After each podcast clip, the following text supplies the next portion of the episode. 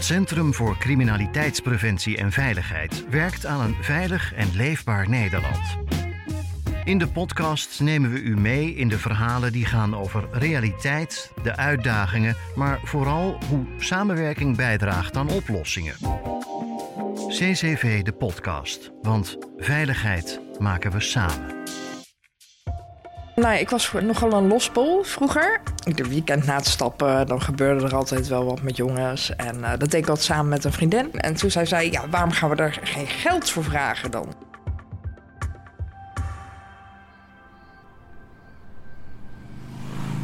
Sinds het begin van de coronacrisis werken we allemaal zoveel mogelijk thuis.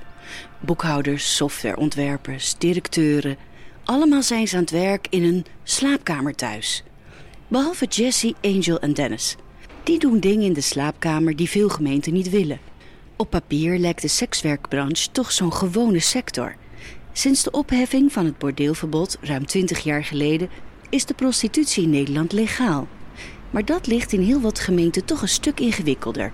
De ene gemeente staat thuisprostitutie zonder veel beperkingen toe, de andere verbindt er strenge maatregelen aan.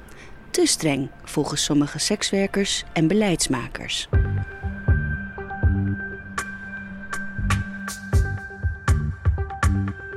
Welkom bij CCV, de podcast van het Centrum voor Criminaliteitspreventie en Veiligheid. Deze eerste serie podcast gaat over de toekomst van thuisprostitutie. Dit is de tweede aflevering. Mijn naam is Patty Lou. En oh ja, het is een podcast over sekswerkers. We noemen de dingen gewoon bij de naam. En dat is natuurlijk niet iets voor kinderen. Vroeger had je natuurlijk nog niet uh, de welbekende advertentiesites. Uh, dus uh, wij kozen ervoor om uh, een advertentie, een gesproken advertentie te maken op de Babbelbox. En dan alleen maar voor trio's, want dat leek ons veiliger.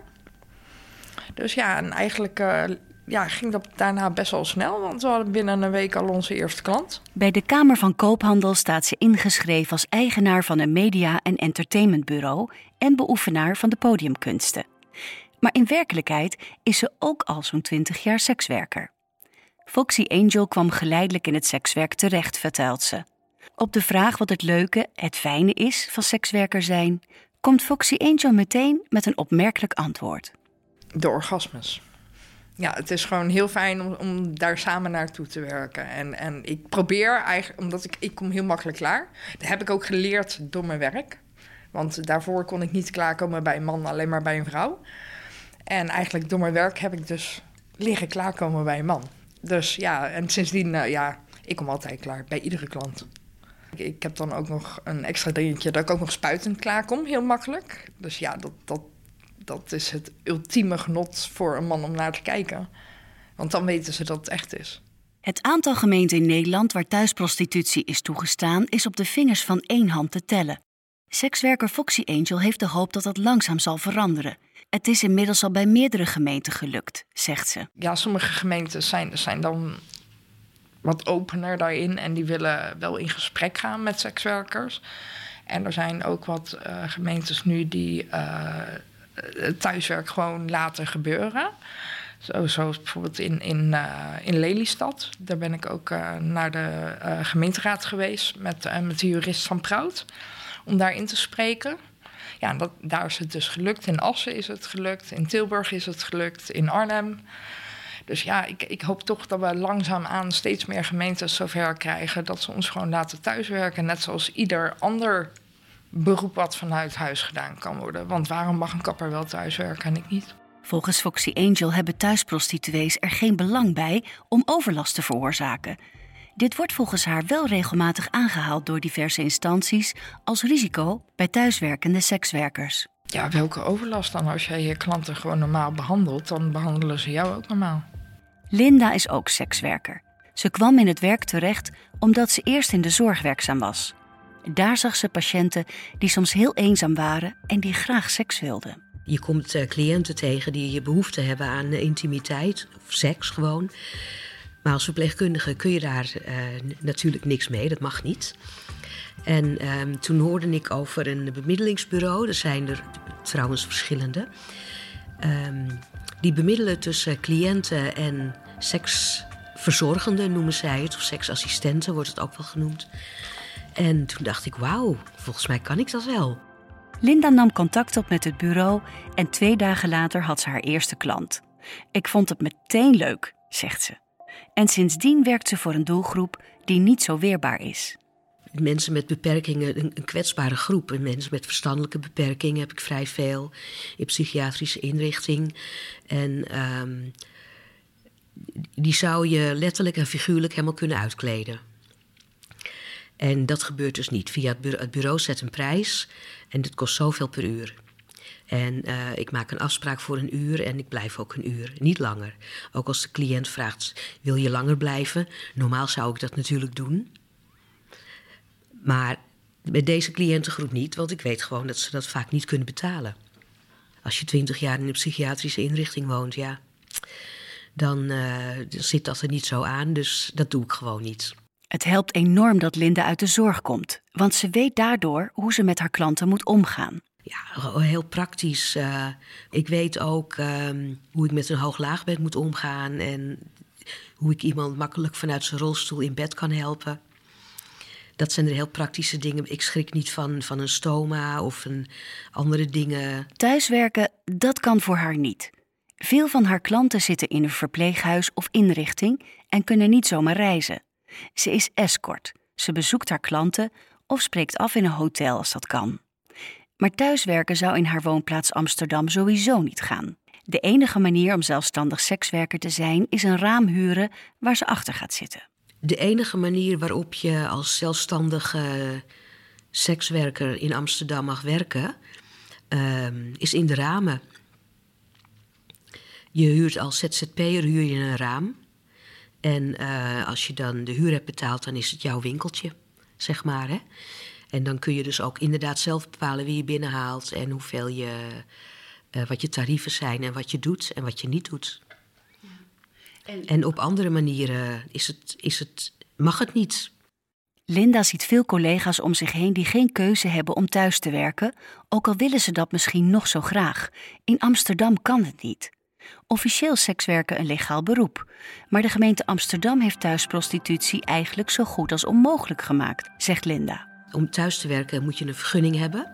Maar als je vergunning aanvraagt, krijg je hem niet. Want de gemeente geeft geen vergunningen meer uit voor seksbedrijven. Dus een catch-22. Ze, ehm, ze maken een, een maatregel, maar maken het tegelijkertijd onmogelijk om aan die maatregel te voldoen.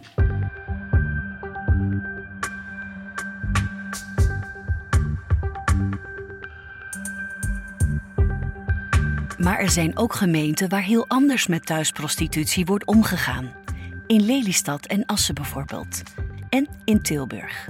Hier heb je voor thuisprostitutie juist geen vergunning nodig. Floortje van de Corput is toezichthouder leefbaarheid en ondermijning van de gemeente Tilburg en houdt zich dagelijks bezig met prostitutiebeleid. Een open beleid dus. Ja, het is heel apart natuurlijk dat er zo'n situatie bestaat. Dat is in de gemeente Tilburg niet anders. We hebben inderdaad een vergunningenstelsel voor escortbedrijven of voor andere bedrijven, echt inrichtingen hebben we het dan over. En we hebben geen vergunningsplicht voor een thuiswerker, voor een legale sekswerker die gewoon vanuit haar of zijn eigen huisadres haar werkzaamheden uitvoert. Uh, die kunnen inderdaad beleidstechnisch gewoon zonder vergunning uh, dit werk doen. Alleen moet er aan een aantal voorwaarden worden voldaan. En dan heb je het over relatief simpele voorwaarden. Dus dat je ingeschreven moet staan op het adres waar je de werkzaamheden uitvoert. Um, dat je geen overlast mag veroorzaken. En bijvoorbeeld ook dat je niet heel periodiek en heel regelmatig mag adverteren. Floortje van de Corput houdt zich bezig met allerlei signalen die met overlast te maken hebben. Haar afdeling doet controles bij sekswerkers thuis als ze een melding krijgen. Daarbij gaat het vaak om vooral slachtoffers van mensenhandel uit de situatie van misbruik te halen, zegt Floortje omdat we uiteraard willen dat niemand zich in zo'n kwetsbare positie bevindt. En ik denk dat eigenlijk alle netwerkpartners die wij hier hebben, die spelen daar een rol in. En de gemeente zeer zeker. Wij komen achter heel veel voordeuren en wij hebben nou eenmaal zo'n signalerende rol. En ja, ik ben van mening dat het toch wel heel belangrijk is dat iedereen hier zich op inzet. Het is heel moeilijk om een bepaalde doelgroep te bereiken. Dat vooral. Eh, het speelt zich natuurlijk overal af. Je weet niet op voorhand waar je mensenhandel tegen gaat komen of niet. Dus het is denk ik juist belangrijk dat we gewoon zoveel mogelijk controles doen. Om maar te kijken, inderdaad, als je er maar eentje redt, is dat al voldoende voor ons. Bij controle ziet het team soms situaties waar ze zich grote zorgen over maken. Ja, wij zijn situaties tegengekomen waarin bijvoorbeeld een pooier aanwezig was. Dat we echt al wel dachten, het zit niet helemaal goed. We merkten uit lichaamstaal dat een dame zich niet prettig voelde. Uiteindelijk hebben we ook die dame ja, redelijk naakt gezien. En bleek dat ze best wel wat krassen en striemen op de rug had staan. Blauwe plekken had op de armen. Dat zijn voor ons wel de zorgwekkendste signalen. In de vorige aflevering hoorde je al dat wie in Tilburg zich in de thuisprostitutie aan de regels houdt, geen problemen met politie of de gemeente hoeft te verwachten. Maar dat is Tilburg. Wanneer er controle komt en je werkt als prostituee vanuit huis, heb je in Amsterdam waarschijnlijk wel een probleem, zegt Linda. Ook als je niets met mensenhandel of gedwongen prostitutie te maken hebt. Ook al ben je gewoon uh, een zelfstandige, je doet niks gedwongen, je mag zelf al je geld houden, afgezien van het gedeelte wat natuurlijk naar de belasting gaat. Dan nog ben je de sjaak, want uh, je hebt geen vergunning. En geen vergunning hebben betekent in de meeste gemeentes dat je met thuisprostitutie meteen moet stoppen. Linda vindt dat dat onveiligheid juist in de hand kan werken. Wie als prostituee vanuit huis werkt, zit in een kwetsbare positie. Ze geeft een voorbeeld van een gevaarlijke situatie waarin een collega van haar terechtkwam die zonder vergunning vanuit huis werkte. Die had een eh, cliënt, een, jonge knul, die had drugs gebruikt en hij reageerde er niet goed op. Hij werd uh, steeds gekker en, en enger en ze zei: Ik was echt bang. En toen had iemand anders gezegd: Dan moet je de politie bellen. Nou ja, dat doe je dus niet. Want contact met de politie zou betekenen dat de agenten ook meteen weten dat er op dat adres zonder vergunning vanuit huis door een prostituee wordt gewerkt. Die moet daar dan meteen mee ophouden. Amsterdam heeft een eigen organisatie waar prostituees terecht kunnen met problemen. Het Prostitutie- en Gezondheidscentrum PNG 292, een onderdeel van HVO Querido. Ze zoeken actief contact met prostituees en bieden sociale en medische hulp aan. Helene Driessen werkt al 22 jaar met prostituees en is een van de drijvende krachten bij PNG 292. Nou, weet je, wij vinden vanuit zorg dat uh, elke sekswerker zo veilig mogelijk zijn vak moet kunnen uitoefenen. En op welke manier dat is, dat is eigenlijk niet aan ons. Bij ons is het vooral zo dat de sekswerkers dat heel goed zelf weten. En wat voor de een veilig is, hè, dus bijvoorbeeld werken in een club of in een privéhuis, is voor een ander juist thuiswerken heel erg fijn. En voor een ander weer achter het raam. En uh, ik denk dat vooral de gemeente met sekswerkers om de tafel moet hè, en met hun moet afstemmen uh, wat zij nodig hebben als werkplek. En wat het minimale vereiste is waarop zij dit vak goed kunnen uitoefenen. Hoe je het ook wendt of keert, een gemeente moet nou eenmaal een prostitutiebeleid maken waar de gemeenteraad achter kan staan. En dat is ook zo in Amsterdam, waar Helene Driessen werkt. Dat is niet altijd makkelijk, omdat prostitutie in de politiek een heleboel meningen en emoties losmaakt zegt Helene Driessen van de GGD. Ik denk vooral door de politieke partijen wordt er ook wel af en toe wat emotioneel gereageerd. Of heel persoonlijk en heel erg zorgelijk. En dat maakt het denk ik af en toe juist wel lastig, ook voor de gemeente, om goed beleid te maken. Want ze hebben natuurlijk ook te maken met partijen die uh, heel veel vinden over het onderwerp. Of je nu bijvoorbeeld met een christelijke partij zit, of juist met een hele liberale partij. Je moet voor al deze partijen, die allemaal verschillende visie hebben, moet je eigenlijk een, een prostitutiebeleid maken. En dat is natuurlijk best ingewikkeld. Maar er zijn ook gemeenten waar de partijen in de gemeenteraad een ander beleid steunen zoals in Lelystad, waar de partijen zich realiseerden dat hun prostitutiebeleid een update nodig had. Rob de Bie, adviseur openbare orde en veiligheid in Lelystad. Eh, sinds 2000 uh, uh, is dat beleid in werking getreden. Het was feitelijk een beetje een repressief beleid, hè? gericht hoofdzakelijk op vergunningverlening en op toezicht en, en handhaving je zag de ontwikkeling hè, dat er eh, steeds minder vergunningen werden verleend. Hè, dus dat uh, de prostitutie uh, feitelijk ook een beetje de illegaliteit in verdween. Ik kreeg daardoor minder zicht op ja, datgene wat daar gebeurde. En die nieuwe wet regulering sekswerk, hè, die is er ook wel wat meer op gericht om uh, meer te doen aan hulpverlening aan, uh, aan sekswerkers en, uh, en de aanpak van, van misstanden. In Lelystad had onder het oude beleid in feite iedereen die iets met prostitutie wilde doen een vergunning nodig, ook thuiswerkers. Het gevolg was dat bijna niemand zo'n vergunning aanvroeg. Als er toch een aanvraag kwam, kon het zomaar zijn dat iemand na een lang proces met bestemmingsplannen te maken kreeg. Uiteindelijk moest een vergunning dan geweigerd worden. Hè, met als gevolg dat de activiteit weer de illegaliteit in verdwenen. En daar wilden we juist vanaf. In Lelystad werd het nieuwe beleid niet voorgekookt, maar samen met alle partijen en organisaties in elkaar gezet, zegt Rob. Ik moet erbij zeggen dat het een, een nieuw beleid uh, tot stand is gekomen met de Raad. Hè. De Raad is daar vanaf uh, het begin bij uh, betrokken geweest. Maar ook hulpinstanties en de Belangenorganisatie voor Sekswerkers, Proud, is daar ook bij betrokken geweest. De samenwerking op dat soort punten is, is wel belangrijk. Hè? Zodat je niet vanuit, ja, hè, vanuit de overheid een eenzijdig beleid opgelegd krijgt. Diverse aspecten zijn nu echt de revue gepasseerd. En de wensen van hulpinstanties en, en Proud zijn nu ook meegenomen in, in dit beleid. De beleidsregel werd dat het beroep van sekswerker gelijkgesteld werd aan dat van bijvoorbeeld een thuiskapper. En dat zorgt er onder meer voor dat sekswerkers niet meer door een woningbouwvereniging uit hun huis gezet worden. Ook in Tilburg kwam er een beleid waarbij thuisprostitutie mogelijk werd. Met een paar nuances verschil heeft het dezelfde uitwerking.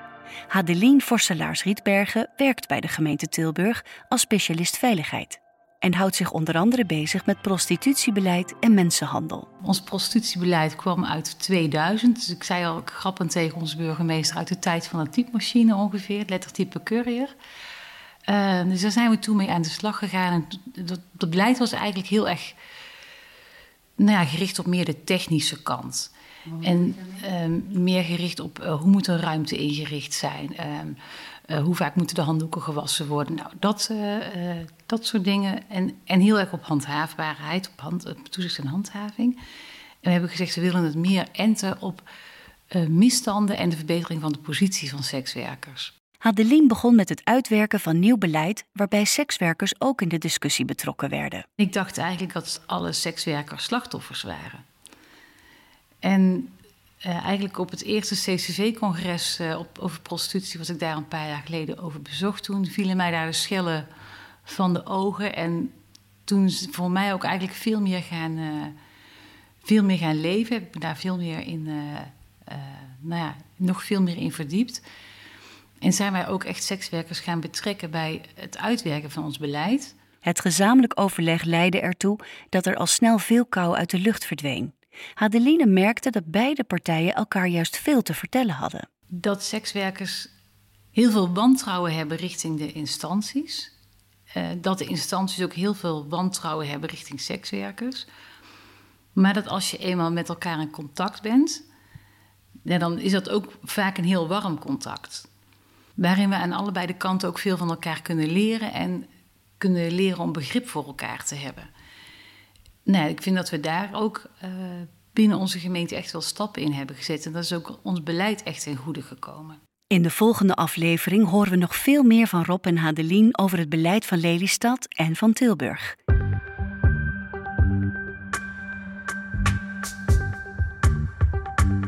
Maar eerst terug naar het verhaal van Foxy Angel. Zij merkte dat werken vanuit huis als zelfstandig sekswerker grote voordelen heeft ten opzichte van andere vormen van prostitutie. Je zit niet de hele dag te wachten. Ja, je zit natuurlijk wel te wachten op een klant, maar je kan ondertussen gewoon nog je dingetjes in huis doen. Je kan je boodschapjes doen. Uh, ja, heb je even geen zin die dag, dan laat je je telefoon uit. Het is, het is ja, veel vrijer dan dat je bijvoorbeeld in een club of privéhuis werkt. Want daar moet je toch je dagen en je tijden doorgeven. Uh, ondanks dat het tegenwoordig niet meer mag met de opt-in-inregeling. Maar toch verplichten ze je nog steeds. Je moet van zo tot zo laat aanwezig zijn. Ja, en moeten, dat werkt bij mij niet zo goed. Want daarvoor ben ik geen zelfstandige geworden om iets te moeten. Ik moet dingen voor mezelf en niet voor een ander. De moeder van Foxy is overleden. Alleen de vader van Foxy Angel leeft nog.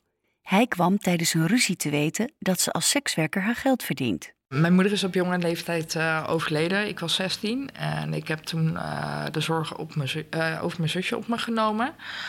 En uh, ja, die woonde op een gegeven moment dus ook bij mij. En uh, mijn zusje had een ongeluk gekregen, dus daardoor kwam zij uh, thuis te zitten.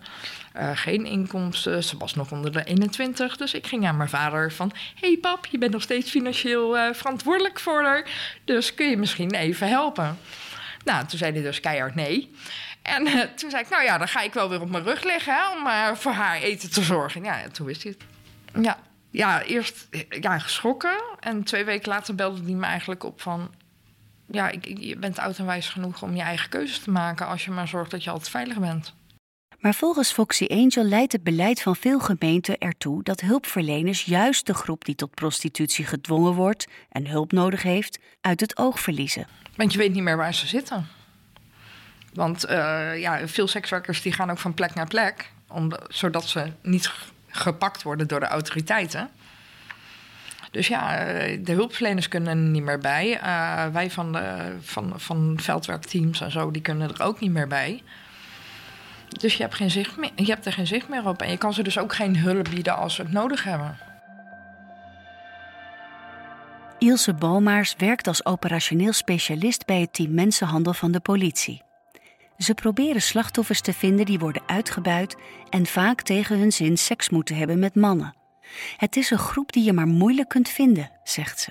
Dat is inderdaad heel lastig. En dat heeft ermee te maken dat een, een slachtoffer uh, vaak heel erg in de invloedssfeer al zit van een dader. Hè. Dus die, uh, die is heel afhankelijk. Het zijn bijna per definitie altijd kwetsbare meisjes of jongens die uit een, een, kwetsbare achtergrond of een traumatische achtergrond komen. Hechtingsproblematiek vaak hebben. En je ziet dat die, die zijn zo bijna geïndoctrineerd door een dader. Dat spontane aangiftes van hier binnenkomen lopen en zeggen ik word op dit moment uitgebuit.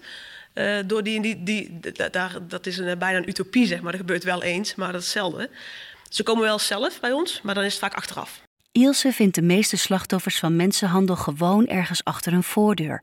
In een woonhuis dat voor gedwongen prostitutie wordt gebruikt. Het gros uh, van de uitgebuite slachtoffers uh, vinden we in woningen.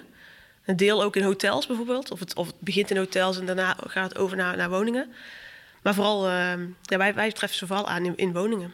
En dat is ook op zich logisch, want dat is, uh, anoniem. Hè? Je kunt daar. Uh, het is achter een gesloten deur. En wat daar precies plaatsvindt, weet eigenlijk niemand. Dus dat is heel moeilijk om daar een vinger op te leggen. In Tilburg werd een participatieonderzoek opgesteld. waarbij alle partijen meededen om informatie bij elkaar te kunnen krijgen.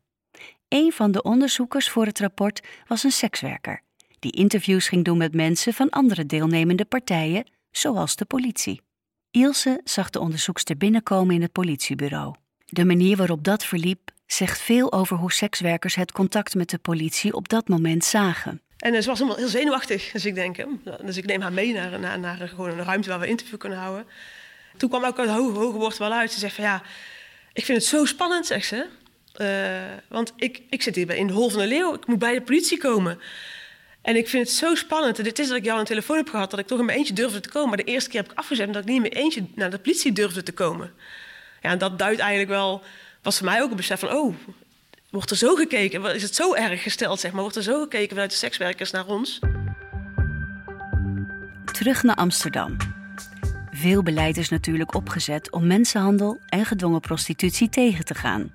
Maar Linda, die als escort werkt voor onder meer klanten met een beperking, stelt dat het niet altijd meteen duidelijk is of een prostituee van buitenaf gedwongen wordt om haar geld af te staan. Dat blijkt soms pas als ze een tijdje werkt bij een seksinrichting en haar collega's geleidelijk aan iets beginnen te vermoeden. Op een gegeven moment krijgt een van de. Ze werken natuurlijk ook in teams hè, rondom de klok. Ik, ik weet niet, volgens mij is ze niet in de haak met dat meisje. En ze, we hebben het onder elkaar. En de collega zegt, ik heb ook zo'n idee, we even in de gaten houden. Uiteindelijk besluiten ze aangifte te doen. Wat gebeurt er? Het bedrijf krijgt een boete van 25.000 euro omdat ze niet op de correcte manier aangifte hebben gedaan. Ze hadden het namelijk meteen moeten doen. Veel van de controles en maatregelen van handhavers zijn er vooral op gericht om slachtoffers van mensenhandel op te sporen.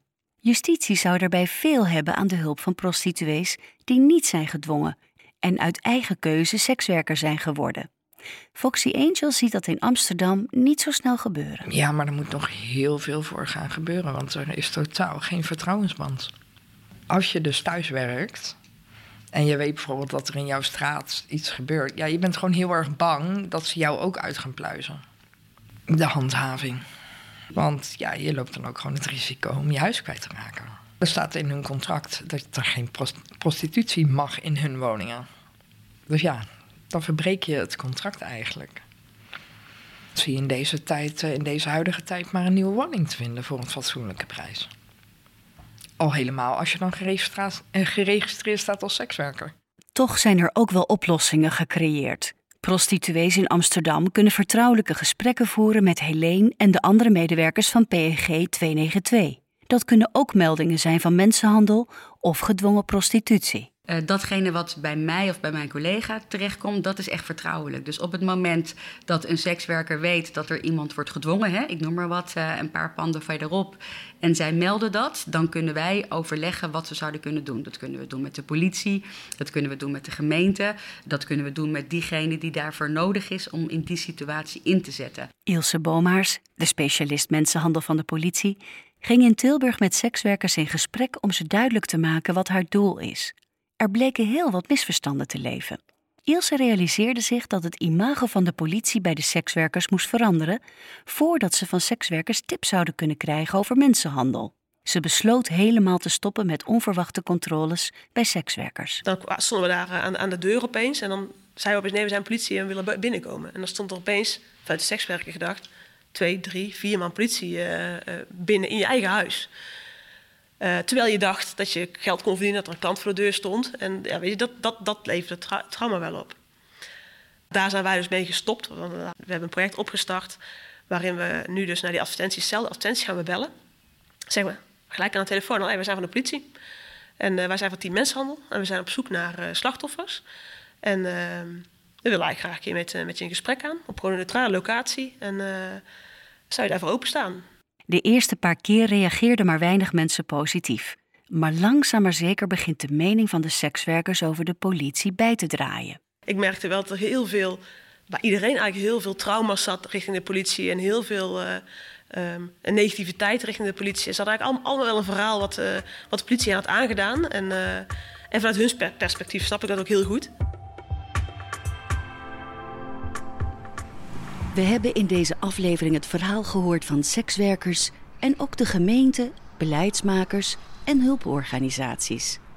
Maar waarom is het nou voor sommige gemeenten wel acceptabel om thuisprostitutie te zien, net als elke andere zelfstandige die vanuit huis werkt? Kijk, een, een, een kapper aan huis, hè, die krijgt ook uh, uh, klanten thuis, hè? Net, net, als een, uh, net als een sekswerker. Hoe krijg je die basis van vertrouwen weer goed? Luister daarvoor naar deel 3 van deze serie over de toekomst van thuisprostitutie. In de volgende aflevering van CCV de podcast over thuisprostitutie. Zij had in een half jaar tijd 60.000 euro winst gemaakt. Enkele van mijn klanten dat die uh, naar mij uitgesproken hebben van Dennis, uh, ja, eigenlijk ben ik pedofiel. Toch kon zij geen hypotheek krijgen. Uh, als werken daar kreeg je in kleurenfoto's verluchtigd gezien wat ze gedaan hadden. Als zij gewoon opgaf wat, wat haar werk was. Dus zoek ik een, een jongensachtige sekswerker op. En dat was, dat, daar weet ik niet echt vrolijk van. En zo moet je dan creatief te werk gaan en dan moet je dat een tijdje volhouden. Als iemand in een verre buitenwijk zit en niemand weet wat, wat hij of zij doet. Ik denk dan toch elke keer van, oh, ik heb nou toch een jong persoon een, een trauma bespaard. Rare situaties. Dat maakt het gevaarlijker. In de volgende aflevering van CCV de podcast over thuisprostitutie. Wil je meer weten over het Centrum voor Criminaliteitspreventie en Veiligheid?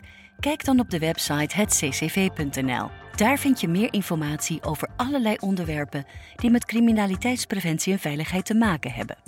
hetccv.nl. En voor wie het leuk vindt om meer te weten te komen over het leven van een sekswerker, Jessie schreef er een boek over. Echte knuffels en meer van Jorma Bos. Heeft deze aflevering je geïnspireerd of geraakt? Schrijf dan een review bij Apple Podcast of laat een rating achter. Of als je luistert via Spotify, deel de aflevering. Dan help je anderen om deze podcast te ontdekken. Vergeet niet om je gratis op deze serie te abonneren met de subscribe of abonneerknop. Dan verschijnen nieuwe afleveringen automatisch in je podcast-app.